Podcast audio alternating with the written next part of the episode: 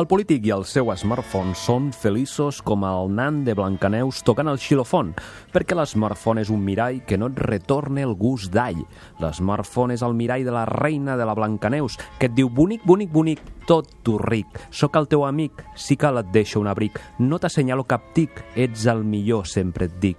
Soc el teu assessor, l'smartphone sempre afalagador, sempre complidor, sempre dient-te a l'orella que ets el més bonicó però i l'as, t'ha rostit com un pollastre l'as. L'smartphone es fon, es desintegra, es carbonitze. Ja t'has quedat sense smartphone, ja t'has quedat sense mirall i ara comences a sentir el gust d'all. Sense smartphone tot es confon, res es difon, ja no tens interfon, ni telèfon, ni micròfon, ni magnetofon, ni videòfon, ni megàfon, ni aerofon, ni termòfon, ni un trist seguidor anglòfon.